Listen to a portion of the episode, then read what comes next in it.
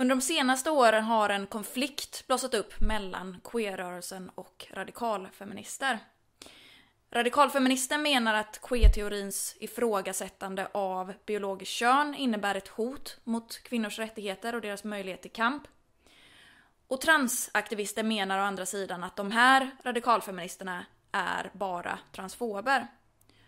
Och i Sverige så har den här eh, debatten framför allt tagit fart i samband med att Kajsekis Ekman skrivit en rad artiklar eh, och sen även en bok om det här då, om könets existens.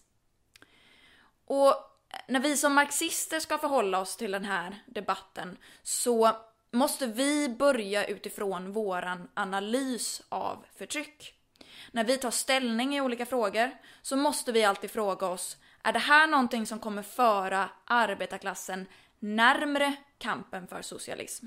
Eller är det något som kommer att motverka den? Kommer det stärka arbetarklassens enhet? Eller kommer det splittra arbetarklassen? Och vi marxister vi för fram behovet av klasskamp mot förtryck. För att vi inser att de förtryck som vi ser idag, eh, som rasism, kvinnoförtryck, förtryck av homosexuella, av transpersoner, av religiösa minoriteter, nationer, det är förtryck som upprätthålls av det kapitalistiska systemet. De går inte att avskaffa inom kapitalismens ramar utan kräver dess avskaffande.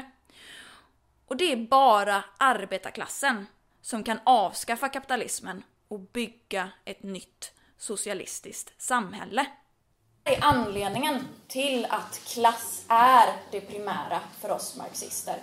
Det är liksom inte en moralisk fråga om att vi på något sätt tycker att ja, men klass är viktigare för att Ehm, förtrycket av arbetarklassen är på något sätt värre eh, än andra förtryck eller sådär. Utan det beror på att arbetarklassen är inte bara förtryckt. Arbetarklassen är exploaterad. Och det är den mest grundläggande funktionen i det kapitalistiska systemet. Exploateringen av arbetarklassen för vinst. Vinstjakten är den mest primära drivkraften i, i kapitalismen.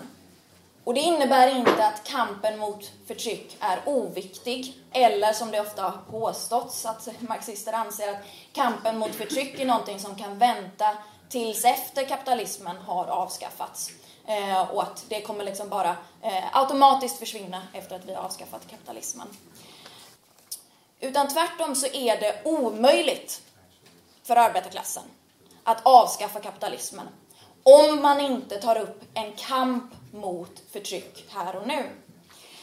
Jag kommer återkomma till det här, men först och främst så måste vi förstå orsaken till att de här förtrycken existerar. För att det här är också en eh, väldigt viktig kritik som vi har mot eh, de olika identitetspolitiska inriktningarna som eh, queerteori, eh, radikalfeminism, eh, intersektionalitet eh, och så vidare. Att de inte har en förklaring till varför förtryck existerar, hur de har uppkommit eh, och hur vi därför kan avskaffa dem.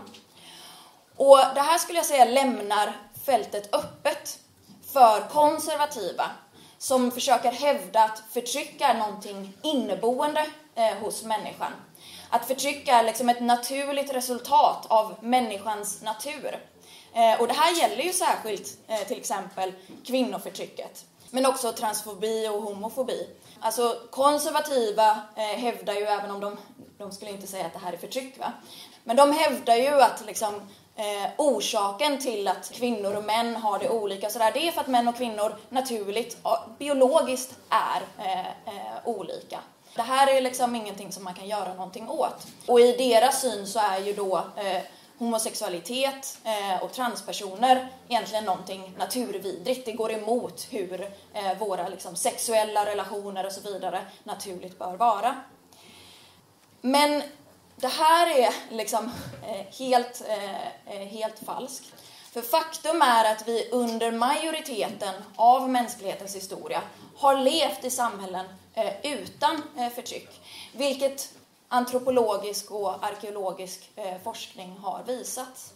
Under majoriteten av mänsklighetens historia har vi levt i eh, jägar och samlarsamhällen eh, som var urkommunistiska samhällen där man levde utan förtryck, utan klasser, utan privategendom och utan någon stat. Kvinnoförtrycket uppkom i samband med klassamhällets uppkomst. Där kvinnan gick från att ha eh, haft en eh, jämlik eh, eh, ställning med mannen, varit jämställd med mannen, till att bli underordnad mannen inom familjen. Och jag kan inte liksom, i detalj gå igenom den här processen, för det är inte det som det här passet framförallt ska handla om. Eh, men jag kan väldigt eh, starkt rekommendera eh, vårt senaste nummer av vårt teoretiska magasin till marxismens försvar. Där vi har en artikel som heter Klassamhällets uppkomst som väldigt detaljerat går igenom den här processen baserad på modern arkeologisk och antropologisk forskning. Men i korthet så kan man säga att kvinnan gick från att ha bidragit lika mycket, eller nästan mer eh, än mannen till eh, stammens överlevnad eh, under jägar och samlarsamhället. Till att i samband med klassamhällets uppkomst, familjens och privategendomens uppkomst, bli eh, underordnad mannen inom eh, familjen. Hon spelade inte längre eh, eh en eh, lika stor roll i eh, livsuppehället. Mannen blev den som var inkomstbringande i familjen. Och det här gav mannen en, eh, mannens ekonomiska makt gav honom en makt över eh, kvinnan. Och eh, under eh, historiens gång så har familjen ändrat form väldigt många gånger. Eh, kvinnoförtrycket har sett olika ut i olika perioder, eh, sett olika ut för, för olika kvinnor. Men kvinnans underordning under mannen inom familjen har eh, bestått. Och det är från det här som vi kan förklara eh, de eh, könsroller eh, som vi kan se eh, idag. Idéer om manligt och kvinnligt kommer ifrån de faktiska roller som eh, kvinnor och män har haft i samhället. Idén om att kvinnans plats är i hemmet och så vidare är för att det har varit hennes plats våld mot kvinnor, eh, övergrepp och så vidare. Eh, det kommer ifrån den makt som män har haft över eh, kvinnor inom eh, familjen. I och med kapitalismen så kom kvinnor att dras in i eh, produktionen. Många kvinnor eh, började lönearbeta eh, och fick därmed en större självständighet eh, från männen.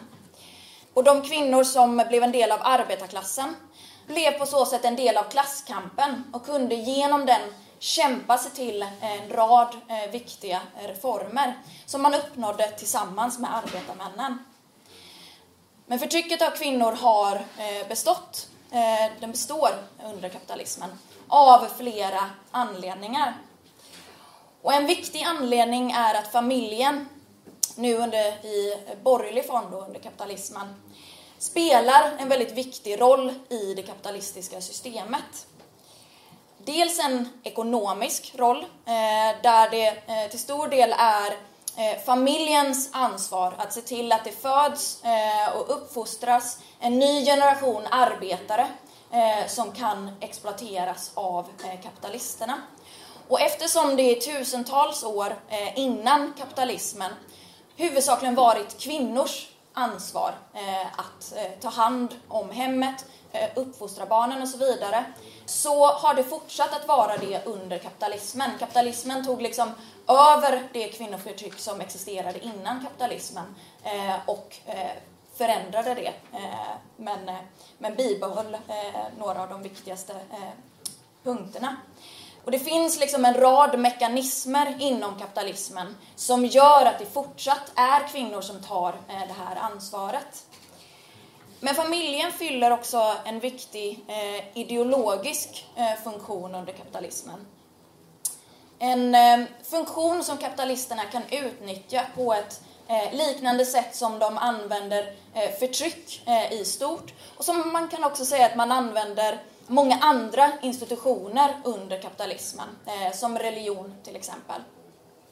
Det vill säga som en, eh, en bastion, en institution för att sprida och bevara kapitalistiska ideal.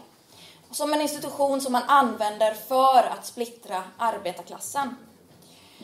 Och sättet som den härskande klassen använder förtryck för att splittra eh, arbetarklassen eh, det är genom att man framställer en del av arbetarklassen eh, som ett hot mot eh, eh, andra eh, arbetares rättigheter.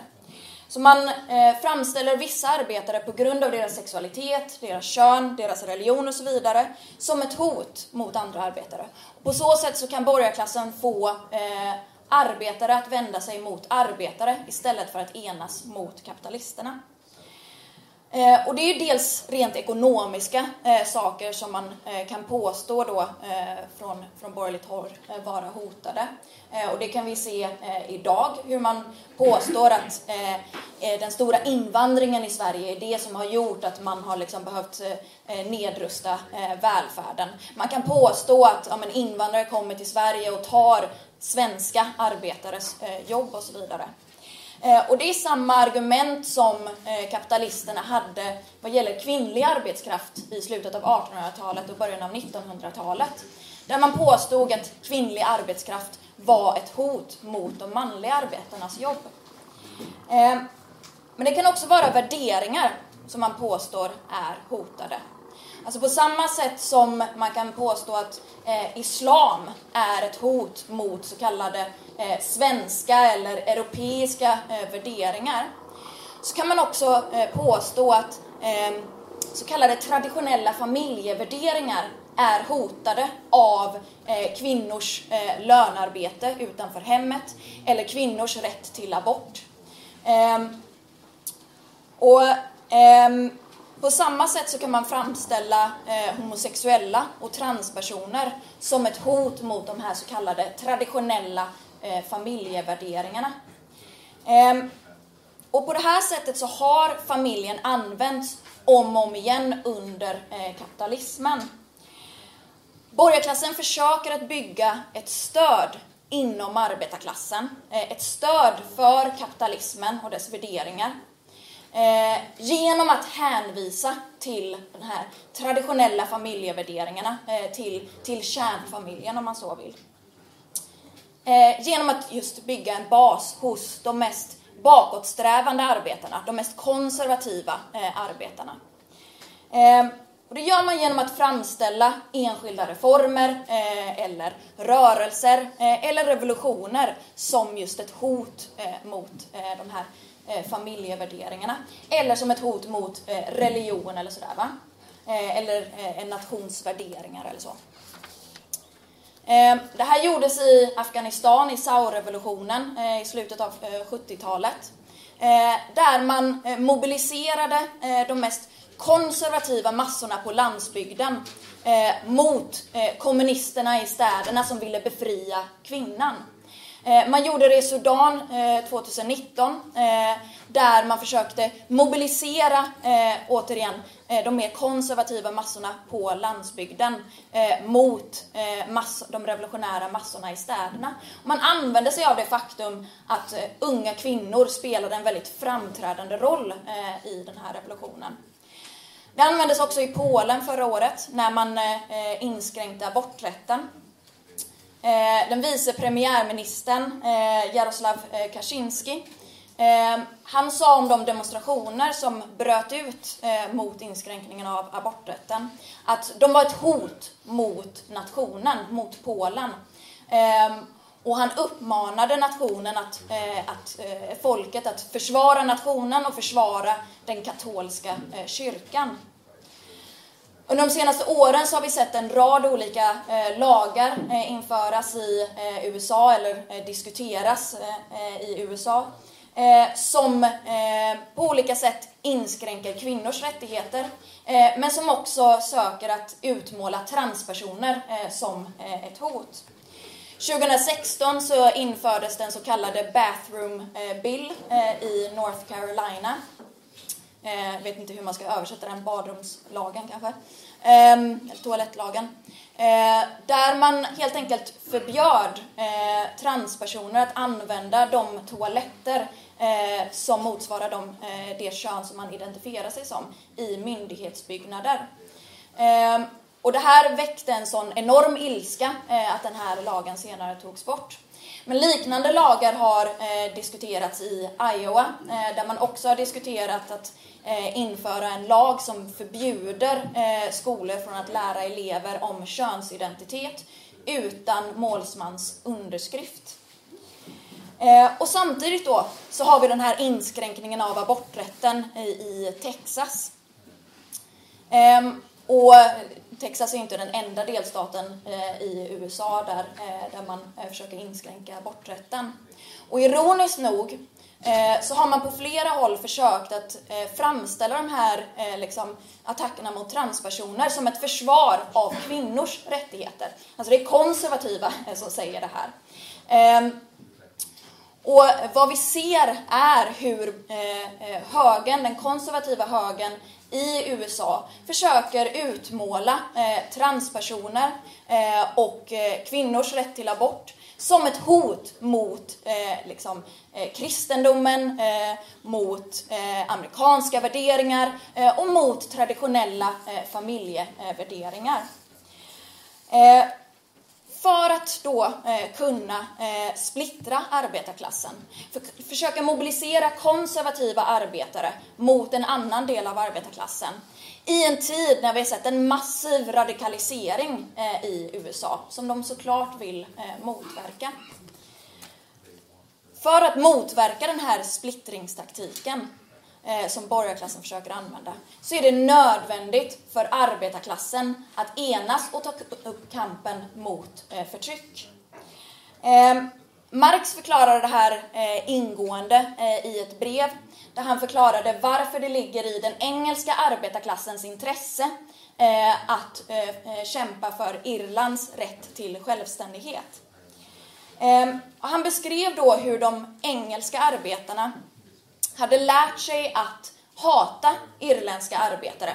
Se dem som några som eh, tog deras jobb och som ett hot eh, mot, mot deras, eh, eh mot deras eh, villkor. Ehm, och han sa eh, citat att de engelska arbetarna känner sig som medlemmar av den härskande nationen. Och i sin attityd mot irländarna förvandlar de sig därigenom till eftersägande hejdukar åt aristokraterna och kapitalisterna, som sålunda stärker sin makt över hela arbetarklassen. Och han säger att de irländska arbetarna, citat, ger igen med samma mynt. De ser i sina engelska kamrater de engelska förtryckarnas medbrottslingar och enfaldiga redskap. Och det här säger han utgör förklaringen till att den engelska arbetarklassen, trots sin rätt långt hunna organisation, alltjämt står så maktlös. Här ligger hemligheten, säger han, bakom kapitalisternas förmåga att bevara och stärka sin makt. Och det är man inom kapitalistklassen mycket väl medveten om. Så vad Marx förklarar här det är att borgarklassen försöker medvetet få män att tro att de tjänar på kvinnoförtrycket. De försöker få eh, vita arbetare att tro att de tjänar på rasismen och så vidare. Och på så sätt så kan de hindra dem från att enas mot kapitalisterna. Och kampen för socialism är därför helt omöjlig utan en kamp mot förtryck. Det är inte bara kvinnor som har ett intresse av att bekämpa kvinnoförtrycket, eller transpersoner som har ett intresse av att bekämpa förtrycket av transpersoner. Det är hela arbetarklassen som har ett intresse av att bekämpa alla förtryck. Men det är däremot i borgarklassens intresse att bevara dem.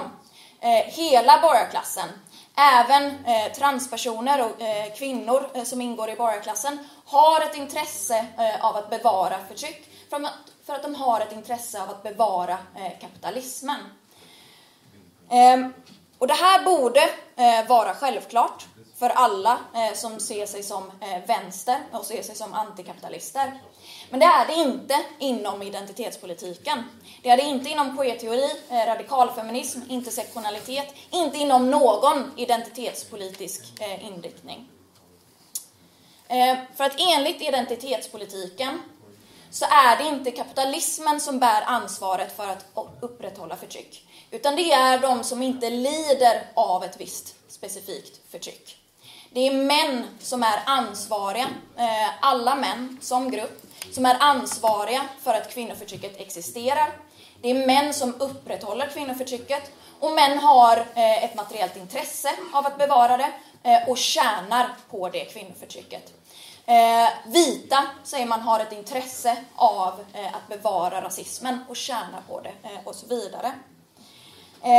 Feministen Heidi Hartman, hon sa om kvinnoförtrycket i sin klassiska text, det olyckliga äktenskapet mellan marxism och feminism från 1979 att män har ett materiellt intresse av att upprätthålla förtrycket av kvinnor. Kampen mot förtryck enligt identitetspolitiken är en kamp av kvinnor mot män, svarta och mörkhyade mot vita, transpersoner mot så kallade cispersoner, alltså personer som inte är transpersoner. Ehm, och det innebär att majoriteten av de som är förtryckarna är arbetare och fattiga, för att majoriteten män är ju inte eh, kapitalister, utan majoriteten män är arbetare och fattiga.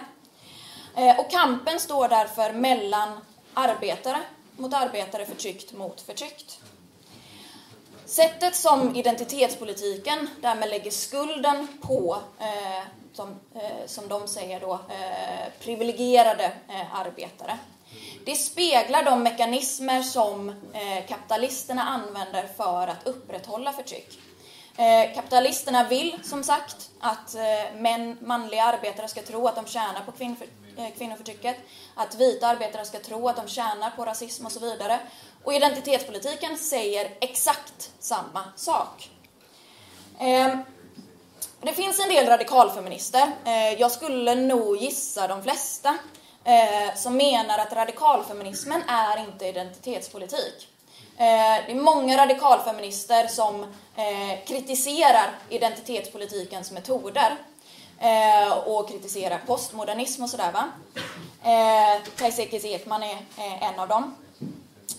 Eh, men även om radikalfeminismen inte alltid använt samma begrepp eh, som är liksom eh, standard nu för tiden inom identitetspolitiken som tolkningsföreträde eller privilegier eller sådär va. Så har man i grunden samma idéer och metoder. Ehm, man har den här synen att man ska organisera sig på basis av sin identitet. Det vill säga på grund på grund av att man är kvinnor så ska man organisera sig på basis av det. Och det är bara de som lider av ett visst förtryck som har ett verkligt intresse av att bekämpa det. Eh, det vill säga, det är bara kvinnor som har ett verkligt intresse av att bekämpa kvinnoförtrycket. Eh, och i någon mån så bör den kampen vara separatistisk. Eh, de som inte lider av ett visst förtryck eh, kan bara vara allierade. Eh, men det är de som drabbas av förtrycket som ska bestämma hur den kampen ska föras. Eh, och så här formulerar Ung Vänster det i sitt eh, principprogram. Eh, och eh, anledningen till att jag vill citera Ung Vänster är för att Ung Vänster har Eh, de senaste 20-25 åren egentligen kan man väl säga varit lite av radikalfeminismens högborg även om eh, intersektionalitet och queerteori eh, som jag förstår det har börjat eh, få ett större eh, inflytande över Ung Vänster. Eh, men om man vill se lite vad, vad, vad tycker radikalfeminister i Sverige så, så kan man se till Ung Vänster. Eh, och de skriver då i sitt principprogram att kvinnor behöver en självständig kvinnokamp. Samtidigt som man tillsammans med männen kämpar mot kvinnoförtryck och kapitalism. Eftersom det handlar om en intressekonflikt så är det nödvändigt att kvinnor själva får sätta dagordningen för den feministiska kampen. En utvidgning av kvinnors makt, inflytande och utrymme kommer att innebära en inskränkning av detsamma för män. Eh, men grejen är den att eh, de fördelar som arbetare har som inte drabbas av kvinnoförtryck eller rasism eller sådär va. Eh, det är ingenting i jämförelse med vad man skulle kunna uppnå om man enas inom arbetarklassen och kämpar tillsammans eh, för mer. Eh, manliga arbetare tjänar inte på kvinnors lägre löner. Manliga arbetare tjänar inte på nedrustningen av offentlig sektor. Ehm, man skulle däremot tjäna på att tillsammans kämpa för en upprustning av eh, offentlig sektor och för högre löner för eh, kvinnliga arbetare. Samhället formar män till att förtrycka eh, kvinnor, men män har inte ett materiellt intresse av att upprätthålla det förtrycket. Tvärtom så har de ett materiellt intresse av att bekämpa kvinnoförtrycket. För det är det enda sättet som män kan bli fria från kapitalismen. Från den kapitalistiska utsugningen. Så för oss är det inte en kamp mellan olika allierade grupper för några särintressen, utan en kollektiv kamp för hela klassens gemensamma eh, intressen. Ehm, och det faktum att även delar av borgarklassen eh, kan lida av eh, förtryck ehm, det gör inte att förtryckta grupper inom arbetarklassen kan ha en gemensam kamp med dem. Och det här skiljer sig återigen från identitetspolitiken som menar att man kan ha en gemensam kamp över klassgränserna. Eh, det här förklarar Kajsa Ekis Ekman, eh, hon sa det här i en intervju, att feminismen är en teori som går ut på att alla kvinnor har ett gemensamt intresse. Alla kamper grundas på en princip. De med ett gemensamt intresse går ihop. Om du till exempel vill att vårdcentralen i ditt område inte ska läggas ner, ringer du inte någon på andra sidan staden först, utan du går ihop med andra i ditt bostadsområde. Feminismen som, be som begrepp blir helt omöjlig om man inte erkänner att alla kvinnor någonstans har ett gemensamt intresse. Och nu skulle jag säga först och främst att eh, det är väl väldigt, väldigt bra om man inte bara ringer dem i sitt bostadsområde när en vårdcentral ska läggas ner, utan att man faktiskt ringer fler. Jag tror att chansen är större att den där vårdcentralen inte kommer läggas ner om man eh, bygger en bredare rörelse. Eh, men att alla kvinnor drabbas av kvinnoförtrycket är inte detsamma som att man kan föra en gemensam kamp mot kvinnoförtrycket. Arbetarkvinnor kan inte föra en gemensam kamp tillsammans med Ebba Busch eller Annie Lööf. Eh, I den mån som borgerliga kvinnor, eh, eller för den delen eh, borgerliga transpersoner, försöker framställa sig som en del av kampen mot förtryck, så gör de det bara för att kunna främja sin egen maktposition. Eller för att försöka avleda den kampen för att bli ofarlig för kapitalismen. Eh, den identitetspolitik som vi ser idag, eh, den har sina rötter i eh, 70-talet. Tidigare, kan man säga till stor del, så, så var det så att de vänsterpersoner som, som ville kämpa mot förtryck, de organiserade sig i arbetarrörelsen, i den socialdemokratiska arbetarrörelsen, eh, senare i de, eh, eh, den kommunistiska arbetarrörelsen.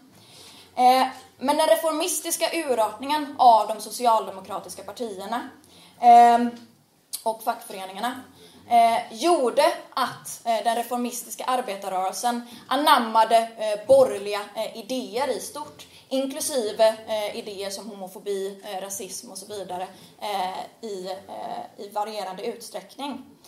Och den stalinistiska urartningen av den kommunistiska eh, internationalen påverkade eh, den syn som eh, de som var aktiva under 60 och 70-talet eh, kom att ha på marxismen.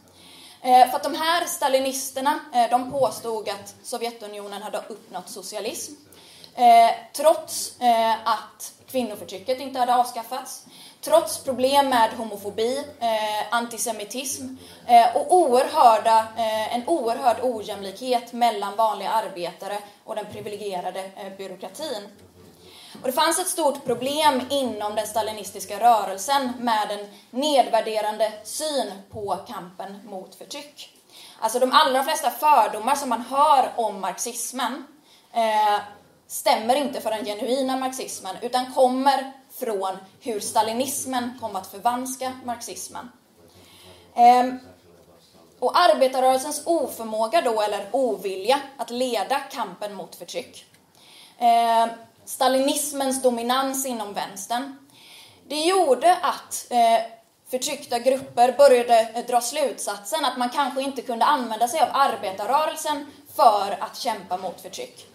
Eh, det gjorde att man drog slutsatsen att socialismen kanske inte är eh, en, liksom, eh, den enda lösningen. Att man kanske inte kan använda marxismen för att analysera förtryck. Och man började söka efter nya idéer som radikalfeminism och bildade separatistiska grupper. Och idén under den här perioden växer fram att det är inte arbetarklassen eh, som ska leda kampen eh, mot förtryck. Ehm, utan det är de förtryckta grupperna själva. Och den här tendensen stärks under 80-talets högervåg med ytterligare nederlag i klasskampen, eh, pessimism om möjligheten att eh, eh, uppnå socialism. Det här sprids inom vänstern eh, och arbetarrörelsen ännu mer efter Sovjetunionens fall. Och ur det här då så föds och formas radikalfeminismen. Där man inte längre ser arbetarklassen som det politiska subjektet som ska befria alla förtryckta. Eh, utan istället är det kvinnan som är det politiska eh, subjektet i kampen mot kvinnoförtrycket. Men när man lämnat marxismen bakom sig så har man inte längre någon analys om hur kvinnoförtrycket uppstått. Tvärtom så ses den som ointressant eh, inom radikalfeminismen. En av de mest inflytelserika feministerna i Sverige, Yvonne Hirdman, som myntade begreppet genussystemet, eh, hon skrev i en text 1988 att eh, logiken bjuder oss att tro att ett generellt förtryck måste ha en generell förklaring. Eh, men sen så säger hon då att tyvärr så är de förklaringar som ges biologiska. Ehm, och därför så drar hon slutsatsen att vi måste lämna ursprunget därhän. Vi måste inse att ursprunget är helt ointressant. Ehm, så man kan inte besvara de konservativa, så därför ska man inte ge något svar alls. Ehm, så man ser patriarkatet då, som man säger, eller genussystemet eller könsmaktsordningen, beroende lite på eh, vem man frågar, eh, vilket begrepp man använder. Man ser det som en samhällsstruktur. Ehm, men man har ingen aning om varför den finns. Ingen aning om varför den har uppstått. Den huvudsakliga förklaring som ges till varför kvinnoförtrycket finns, eh, det är att ehm, man säger att det bara av någon slump då har uppstått idéer om manligt och kvinnligt där det manliga är överordnat. Det har bildats könsroller av någon anledning. Eh, och det här är, som vi har varit inne tidigare i helgen, eh, det här är vad marxister kallar för eh, idealism. Eh, där man ser det som att det är ehm, de idéer som vi har, de normer vi har, ehm, eh, som formar eh, samhället, som skapar det samhälle som vi lever i. För att kunna förändra samhället så måste man först förändra eh, idéerna. Och marxismen har ju det motsatta synsättet. Vi är materialister. Vi menar att de dominerande idéerna som vi ser i samhället eh, är format av, eh, av samhället självt, av hur samhället är uppbyggt. Eh, och uppgiften är därför att förändra samhället. Man kan inte avskaffa de eh, normer vi ser i samhället utan att förändra samhället i grunden. Radikalfeminismen, oavsett vad enskilda radikalfeminister anser, är idealistisk. Och den är också reformistisk. Eh, sättet som man ska bekämpa eh, kvinnoförtrycket, eh, förändra de här könsrollerna, eh, det är genom genuspedagogik. Eh, det är genom att genomföra reformer som kan gradvis flytta fram kvinnors positioner och ändra hur vi ser på manligt och kvinnligt. Den är reformistisk. Eh, för det finns ingen radikalfeminist som har förklarat eh, vad en revolution är för någonting som är någonting skilt från den socialistiska revolutionen. Det finns ingen eh, radikalfeminist som har förklarat vad en kvinnornas revolution är och vad ett samhälle är eh, som, eh, som skiljer sig från det här samhället eh, radikalt skulle innebära, som inte är socialismen då. Ehm, och enligt radikalfeminismen så är det kvinnornas gemensamma erfarenhet av vad det innebär att vara en förtryckt kvinna som gör att man kan ha en gemensam kamp mot kvinnoförtrycket. Problemet är ju bara det att alla kvinnors erfarenheter av vad det är att innebära att vara en förtryckt kvinna skiljer sig åt. Klass har inte det här problemet. Eh, Marxister eh, kräver inte, eh, och klasskampen kräver inte, att alla arbetare har en exakt likadan gemensam erfarenhet av vad det är att vara arbetare. Eh, arbetarklassens gemensamma intressen beror på deras ställning i produktionen. Men för feminismen så blir det här eh, ett problem. Och ur det här så föds kritik eh, från svarta kvinnor i USA som kritiserar eh, vita feministers eh, beskrivning av vad det innebär att vara en förtryckt kvinna. Eh, och eh, senare så ser vi kritiken från eh, queer-rörelsen. Eh, queer-teorin den uppstod i eh, akademiska kretsar eh, i USA eh, och runt de som var engagerade i i eh, HBT-rörelsen eh, runt eh, hiv och aids-krisen. Och som sagt så var det här en period som dominerades av pessimism i början, slutet av 80-talet och början av, 90-talet. Det präglades av Sovjetunionens fall och en djup skepticism där postmodernismen började få ett allt större genomslag inom akademin klasskampen eh, ses eh, inom de här akademiska eh, kretsarna inte längre som eh, relevant. Eh, utan det är den enskilda gruppen, den enskilda individens kamp eh, mot makten. Och den som kan sägas verkligen grunda queerteorin, det är då Judith Butler eh, med hennes bok Genustrubbel från 1990.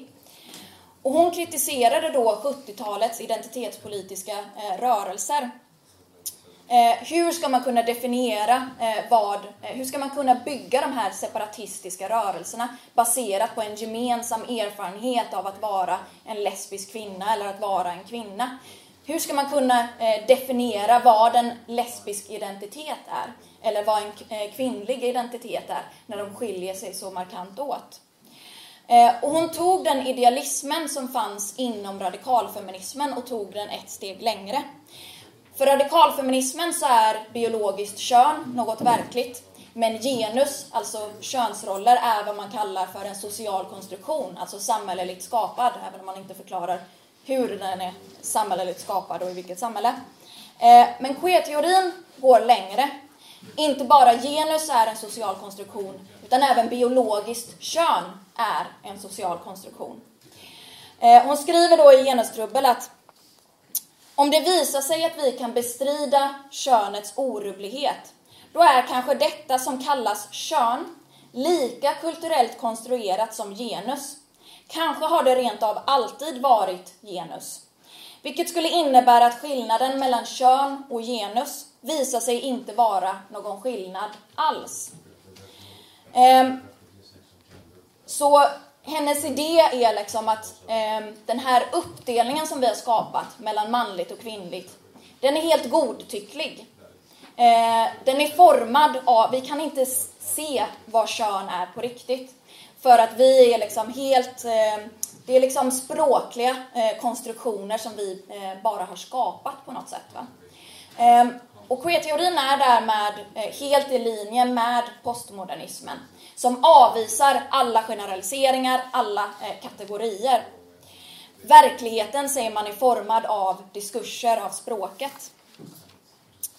Eh, kön, menar Butler då, skapas genom vad hon kallar för performativitet. Genom att vi dagligen agerar våra kön så reproduceras de. Eh, och sättet som man bekämpar förtryck enligt Judith Butler, det är att göra parodi på könen, göra parodi på de normer som vi har om sexualitet och eh, kön. Eh, genom att vi bryter mot dem så kan vi luckra upp dem och utmana dem. Och enligt det här synsättet så är det revolutionärt i sig självt att vara en transperson, att vara lesbisk, att vara bi och så vidare. Alla som bryter mot normen eh, utmanar den. Fast man borde kanske säga då inte vara lesbisk eller eh, vara bi. För att enligt Butler så finns ju inte de här kategorierna. De här identitet identiteterna finns inte utan snarare agera eh, lesbisk är eh, någonting som, som utmanar normen då. Eh, och anledningen till att queer-teorin avvisar de här eh, liksom, eh, kategorierna, identiteterna och så vidare, eh, att de avvisar att det finns liksom någon inneboende kvinnlig eh, essens, eller lesbisk eh, essens, något eh, medfött, det är för att världen anses vara för eh, komplicerad för dem. Den är för komplicerad för att kunna generaliseras. Världen motsvarar inte exakt de här beskrivningarna av dem och därför så är de fullständigt godtyckliga. Men för oss marxister då så måste inte våra generaliseringar eh, stämma exakt överens med verkligheten eh, för, eh, för att vara sanna. Ehm, de behöver inte vara fullständigt uttömmande. För oss marxister så finns det ingen motsättning mellan att konstatera att majoriteten föds som män eller kvinna, konstatera att biologiskt kön finns, och att samtidigt se att alla män och kvinnor inte är exakt likadana. Ehm, det finns ingen motsättning mellan att konstatera eh, att Eh, biologiskt kön finns, för det är det sättet som mänsklig reproduktion går till på. Eh, det finns inget tredje kön eller någon hel uppsättning kön. Men att samtidigt kunna se att eh, det finns personer som föds som intersexpersoner, det finns mellanliggande former mellan män och kvinnor. Och det finns de som föds, som känner att de har fötts i fel kropp. Och vi behöver liksom inte veta, alltså Eh, varför folk känner att man föds i fel kropp är någonting som vi inte vet idag. Och det behöver vi heller inte veta för att eh, ta kamp för transpersoners rättigheter och ta kamp mot förtrycket av eh, transpersoner. Eh, men för radikalfeminismen så har det här blivit en väldigt, väldigt viktig fråga. För att hela idén är att det är ju en gemensam eh, erfarenhet av vad det är att innebära att vara eh, kvinna som gör att man kan ha en gemensam kamp. Eh, mannen är förtryckaren. Ehm, och för oss marxister så är det fullständigt irrelevant vem som är en riktig kvinna. Eh, och det gäller ju även för arbetarklassen om någon intersektionell person skulle få för sig att säga att ja, men vi tänker annorlunda vad gäller klass. Vi är helt ointresserade av att på individnivå eh, bestämma vem är en riktig arbetare och vem är inte det. Eh, vi är intresserade av klass på samhällelig nivå eh, för att se vilka skikt som kommer eh, att ställa sig på vilken sida i klasskampen. Vi är intresserade av klass för att se styrkeförhållandena i samhället. Ehm, och vi anser inte heller att det bara eh, är arbetare som får vara en del av arbetarrörelsen. Eller att det bara är arbetare som får uttala sig om arbetarklassens förhållanden. Och det säger sig självt i och med att vi kallar oss för marxister. Från Marx, som inte var en arbetare. Vilket inte heller Engels var, som var son till en kapitalist. Vilket inte heller Lenin var, eller Trotsky eller Rosa Luxemburg. Ehm, det avgörande för oss eh, om eh, någon från småborgerligheten eller de få fall då det har existerat personer från, eh, från borgarklassen som eh, vill bli en del av klasskampen. Eh, det är att de måste bryta med sin klassståndpunkt. De måste resolut ställa sig på arbetarklassens sida och se världen ur arbetarklassens ögon. Men i identitetspolitiken så finns inte det här. Man kan inte som man företräda kvinnor. Man kan inte som man tala för kvinnor. Man kan inte som vit tala för eh, svarta. Eh, man kommer aldrig kunna ha eh, samma rätt att bestämma hur den kampen ska föras om man inte har fötts in i den specifika förtryckta gruppen. Så transpersoner blir därför ett problem för den kvinnoseparatistiska rörelsen. Hur ska en person som fötts eh, som man, vuxit upp eh, som en pojke, eh, kunna eh, eh, företräda kvinnor och bli en del av kvinnorörelsen på samma sätt. Eh, det här är grunden till den nuvarande konflikten. Identitetspolitikens besatthet av identitet och individens upplevelse av hur det är att vara en förtryckt person. Man ska säga att det har också skett något av ett eh, skifte eh, inom eh, queer-rörelsen. Alltså från början så sa ju Judith Butler att kön är en biologisk konstruktion, det är ingenting medfött. Eh, alla de här olika sexualiteterna och så vidare, det är godtyckliga kategorier, de existerar inte. Eh, hon avvisar idén om en lesbisk identitet och så vidare. Eh, men nu för tiden så kan man se eh, inom queerrörelsen att man ändå eh, på något sätt hävdar att kön är medfött. Men det är könsidentitet, det är kön som man identifierar sig som. Ehm, och ehm, man anser generellt sett att de här kategorierna som lesbisk, bisexuell och så vidare faktiskt existerar. Ehm, och därför så kallar Kajsa Ekis Ekman i hennes bok eh, om könets existens den här eh, teorin för den nya könsteorin och inte för queer-teori.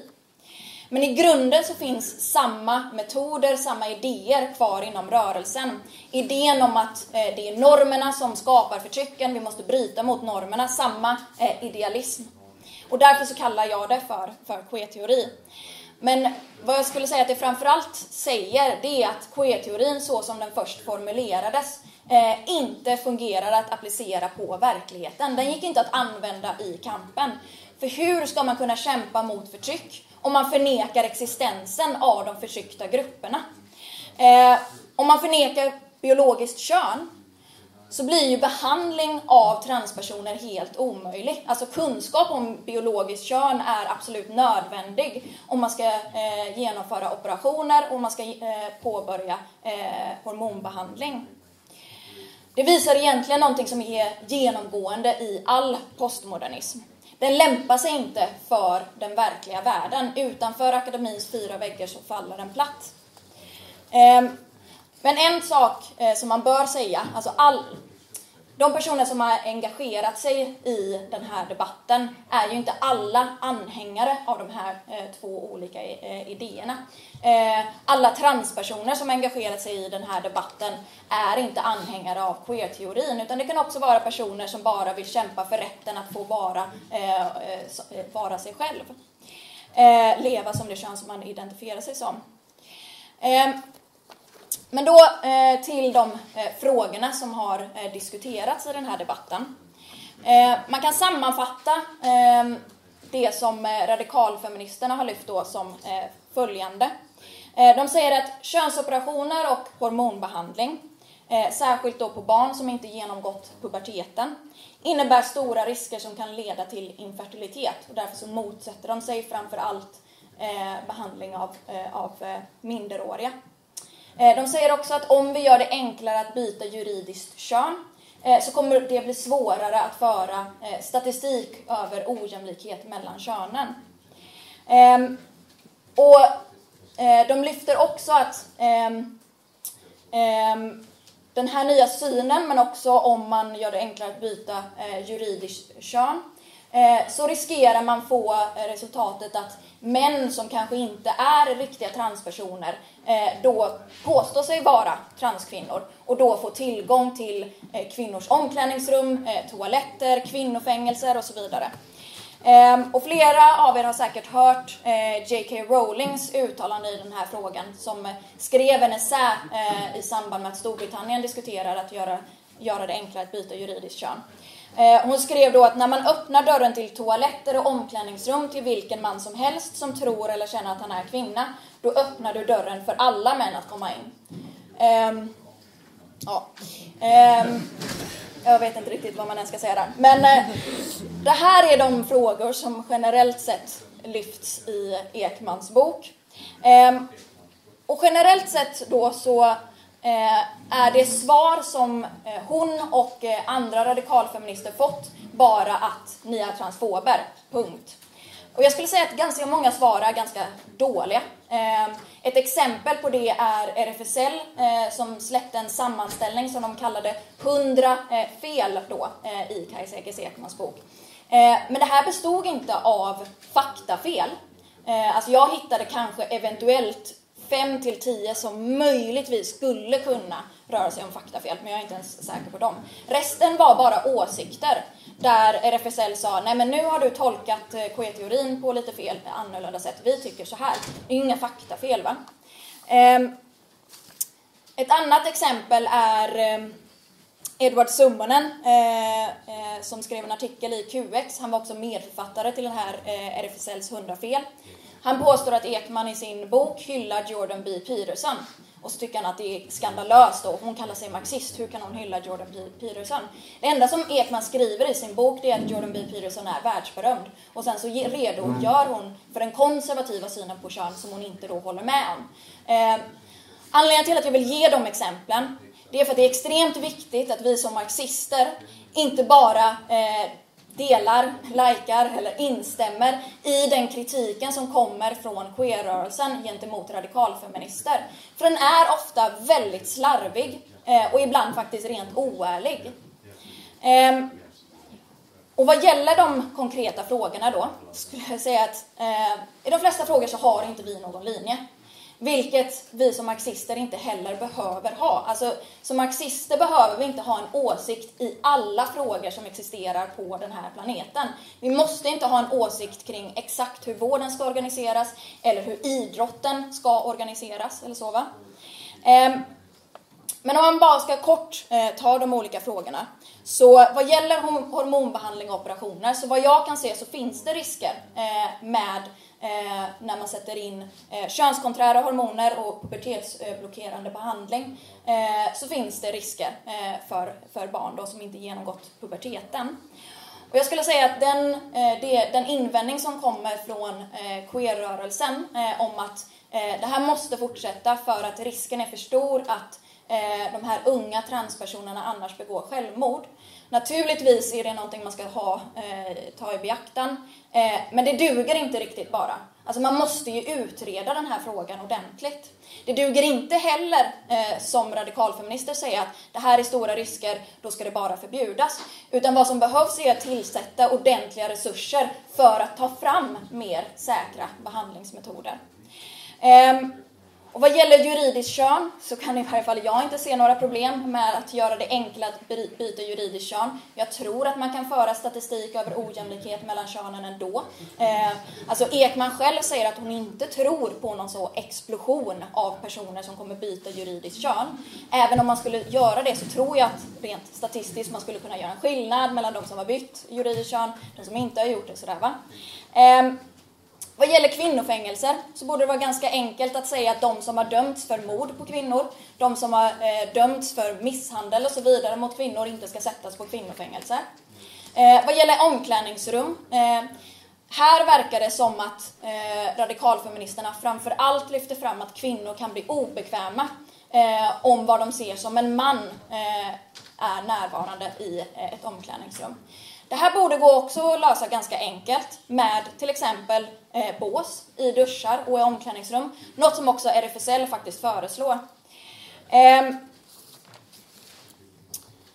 Radikalfeminister har också lyft kritik mot tendenser hos företag, partier, organisationer, myndigheter och så vidare att inte vilja använda ordet kvinna för att det skulle vara exkluderande mot eh, transpersoner. Och ett exempel på det här är den statliga utredningen från 2017, Transpersoner i Sverige, där man säger att begreppen kvinnosjukvård, mödravård är exkluderande mot transpersoner. Och orsaken till att de säger att det är exkluderande, det är för att de har med berättelser från transpersoner som säger sig vara dåligt, har blivit dåligt bemötta eh, inom sjukvården eh, och efterfrågar mer transspecifik vård. Men det här är inte ett argument för att inte använda ordet mödravård eller kvinna eller sådär va. Det är ju bara ett argument för en bättre vård. Vi motsätter oss absolut den här idén om att man inte skulle eh, få använda ordet kvinnor, kvinna eller prata om kvinnospecifika problem. Men på samma sätt så motsätter vi också det som radikalfeminister ofta lyfter. Att det på något sätt skulle vara eh, nedvärderande mot kvinnokampen om man inte varje gång man pratar om klass i lika stor utsträckning pratar om kvinnoförtrycket. Den här idén existerar absolut inom radikalfeminismen. Det måste vara 50-50 klass kvinnoförtryck i alla omständigheter. Man måste kunna prata om olika förtryck i olika utsträckning vid olika eh, sammanhang. Och det är inte exkluderande gentemot någon. Eh,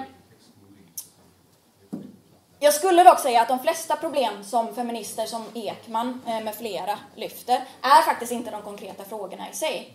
Utan det är det bemötande som kvinnor som lyft eh, kritik mot till exempel män, eh, ja, vad de ser som mäns närvaro i eh, omklädningsrum. Det bemötande som de har fått. Ehm, Ekman har flera exempel på det här i sin bok. Bland annat har hon ett exempel på en kvinna i Norge eh, som såg en person som hon eh, tyckte såg ut som en man eh, i ett omklädningsrum. Eh, hon bad eh, den här personen att gå. Ehm, och eh, på grund av att Norge hade gjort det enklare att byta juridiskt kön och också infört lagar mot diskriminering av transpersoner så kunde den här personen då eh, åtala eller stämma den här personen för eh, diskriminering. Eh, och hon blev följd i första instansen och sen så blev hon friad. Men hon möttes av ett drev på sociala medier där hon kallades för eh, transfob. Eh, och jag skulle säga att det är det här som är problemet eh, anklagelsen om eh, transfobi och, eh, eh och eh, drevet, metoderna här. För att en kvinna som blir obekväm eh, med vad som ser ut som eh, i den personens ögon en man i ett omklädningsrum kan inte alltid automatiskt sägas vara eh, transfobi. problemet här är de identitetspolitiska idéerna och metoderna.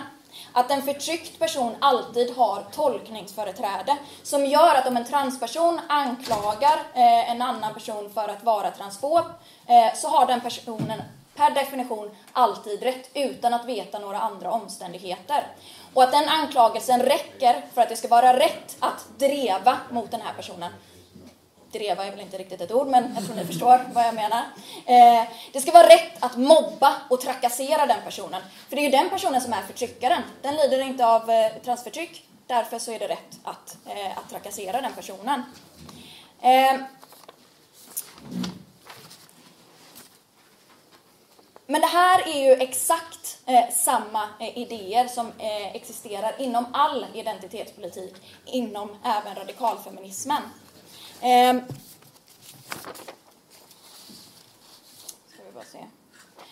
Eh, ja, inom radikalfeminismen så anser man det att en kvinna som anklagar en man för sexism eh, har, eh, ska eh, ha, eh, alltid ha rätt.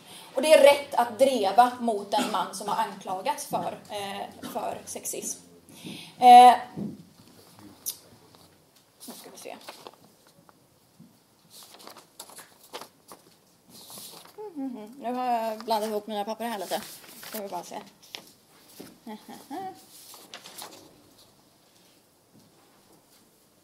Ja, där var jag. Eh, det var visst rätt sida. Ehm, Ekman hon eh, lyfter i, i sin bok exempel på eh, olika radikalfeminister som blivit utsatta för eh, drev av transaktivister. Det som hon inte nämner i sin bok är att radikalfeminister använder exakt samma metoder mot transaktivister. Ett exempel då, eh, hon nämner eh, en eh, hon nämner radikalfeminister i Storbritannien som tryckte upp en affisch inför att Storbritannien diskuterade det här med att göra det enklare att byta juridiskt kön. På den här affischen så stod det “Woman är lika med adult human, human female” Och sen så säger hon att de här feministerna anklagades för hate speech eh, och transfobi. Nu skulle jag säga, vad är poängen med en sån affisch i en sån debatt? Om inte att säga att transkvinnor inte är riktiga kvinnor. Eh, jag har väldigt svårt att se någonting annat än transfobi i en sådan affisch. Eh, men vad som inte heller nämns är att kvinnan som stod bakom den här affischen, Kelly J. Keen Minsal, är transfob och har allierat sig med konservativa i USA. 2019 så var Kelly i USA eh, där hon dök upp på ett eh, föredrag där eh, en transkvinna, Sarah McBride, eh, höll, eh, höll, ett tal. Eh, hon dök upp på det här mötet för att konfrontera henne. Eh, Keen Minsal skrek till McBride, varför bryr du dig inte om 14-åriga lesbiska tjejer som genomgått dubbel mastektomi? Eh, hon kallar genomgående eh, transpersoner oftast för lesbiska tjejer. Ehm, hon anklagade henne för att kämpa för mäns rätt att få vara i kvinnofängelse eh, och för att hata lesbiska kvinnor. Eh, när hon var i USA så deltog hon också i ett panelsamtal eh, med den konservativa tankesmedjan The Heritage Foundation. Eh, där hon hyllade dem för deras arbete mot eh, transpersoner. Hon sa att ingen annan gör det i ett klipp som hon la upp på, eh, på sociala medier. Eh, och hon, eh, tårögt så berättade hon historier om mödrar som har förlorat sina döttrar till vad hon kallar för transkulten. Alltså det är uppenbart att den här personen är en rabiat transperson. Va? Eh, ett annat exempel är eh, Precis, transfob. Sorry. Eh, ett annat exempel är feministen Sheila Jeffries eh, som är en av tre initiativtagare till Women's Human Rights Campaign. I deras upprop eh, så talar de ständigt om eh, män som identifierar sig som eh, kvinnor. Och ett av deras krav, eh, alltså jag tror att det här kommer vara det mest absurda ni någonsin hört. Eh, stater, säger de, borde erkänna att medicinsk forskning som ämnar att göra det möjligt för män att bära och föda barn är en kränkning mot kvinnor och flickors fysiska och reproduktiva integritet och borde elimineras som en form av könsbaserad diskriminering. Alltså hur är forskning som ska göra det möjligt för män att bära, eh, bära barn ett hot mot kvinnors rättigheter. Så det här är absolut bland det mest absurda som jag har hört. Det finns ingen tvekan om att Sheila Jeffries är en transfob. Eh, I ett tal i brittiska House of Commons så sa hon, när män påstår att de är kvinnor och parasitärt ockuperar de förtryckta, eh, förtrycktas kroppar, då finns inget utrymme för kvinnlig frigörelse. Eh, det här är konsekvensen av identitetspolitiken. Konsekvensen av idealismen, avsaknaden av en materialistisk förklaring av förtryck, en reformistisk inomkapitalistisk strategi som leder till splittring och navelskådning. Eh, därför avvisar vi deras idéer och metoder, inklusive separatism, idén om tolkningsföreträde, privilegier, representation. Det har blivit en infekterad eh, diskussion en hysterisk stämning på båda sidor som omöjliggör varje rationell diskussion om de här frågorna. Marxismen har inget gemensamt med någon av sidorna. Vi kämpar mot förtryck. Vi kämpar här och nu. Eh, vi väntar inte på eh, någon revolution. Men vi för fram behovet av klassmetoder i kampen mot eh, förtryck. Det är inte frågan om att förtryckta grupper måste vänta på att resten av arbetarklassen går med i kampen mot förtryck. Men man kan inte ha metoder som gör att man ställer den gruppen mot resten av arbetarklassen, som aktivt uppmanar till splittring, som anammar de metoder som borgarklassen har för att splittra arbetarklassen. Ett exempel på en sån metod är de feminister som organiserade eh, kvinnostrejken i Spanien 2018. Eh, där de argumenterade då för att det bara skulle vara kvinnor som skulle strejka. Det vill säga män skulle agera strejkbrytare, skulle ta deras plats. Eh, de skulle inte vara med i den här kampen. Det här är extremt kontraproduktivt. Ehm, och det spelar liksom mindre roll att alla feminister kanske inte håller med om just den metoden. För det är en direkt konsekvens av det här synsättet att det är kvinnor som ska kämpa mot kvinnoförtrycket och kampen står mellan kvinnor och män. Och det här går rakt emot de metoder som arbetarklassen instinktivt använder i klasskampen. Eh, när de ryska kvinnorna eh, gick ut och demonstrerade eh, i februari 1917 eh, som enligt den gamla kalendern då var eh, 8 mars. Då sa de inte till männen, stanna hemma, det här är våran kamp. Ni får inte gå med, vi vill inte ha med er. Nej, tvärtom. De krävde att männen skulle gå med dem, gå med i strejken, vilket lyckades. Eh, och i oktober samma år eh, så gjorde det att eh, arbetarklassen eh, tog makten. Eh, när Black Lives Matter-rörelsen bröt ut i eh, USA förra året så var det inte så att när vita eh, arbetare och ungdomar dök upp på demonstrationerna så blev de åtsagda av svarta ungdomar och arbetare att äh, gå härifrån, vi vill inte ha er här. Tvärtom, man var glada över att så många som möjligt går med i kampen.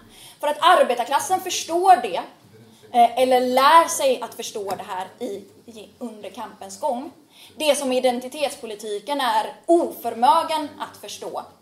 Att det behövs så många som möjligt inom arbetarklassen mot, i kampen mot förtryck. Att enhet ger styrka.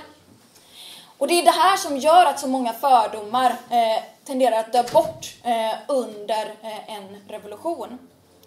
Arbetare lär sig vilka som är ens vänner och vilka som är ens fiender. Och en revolution är på så sätt inte bara en kamp för att omvandla samhället. Det är en process där de som gör revolutionen också omvandlar sig själva. Det är först under en revolution som människor på massskala kan börja ifrågasätta de idéer som kapitalismen påtvingar oss.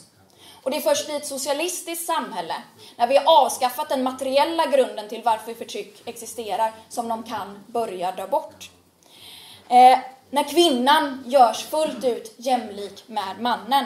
När familjen upphör att vara en institution som eh, samhället vilar på. När det inte längre finns någon härskande klass med ett intresse av att splittra arbetarklassen. När vi exproprierat ar eh, inte arbetarklassen, kapitalisterna, eh, infört en planerad ekonomi under arbetarkontroll. Eh, då kan vi dela eh, på alla resurser eh, jämlikt. Då kan ingen längre anklagas för att sno någons jobb när det finns jobb för alla. Vi behöver inte längre konkurrera om bristande resurser. Då kan vi lägga grunden för ett samhälle fritt från förtryck. Ett samhälle där det inte spelar någon roll hur man definierar sig själv. Där individens frihet kan uppnås fullt ut. Inte på bekostnad av, utan genom eh, den mänsklighetens kollektiva befrielse. Det är vad vi kämpar för och det är det och allt det här som gör marxismen överlägsen identitetspolitiken. Eh, för vi vet varför saker och ting som de är som de är och hur vi ska förändra dem. Och för alla då som blir trötta och förvirrade eh, av den här debatten, för alla som bara vill kämpa mot förtryck, kämpa för ett samhälle fritt från förtryck. Kom med oss i kampen för socialism och mänsklighetens frigörelse. Tack.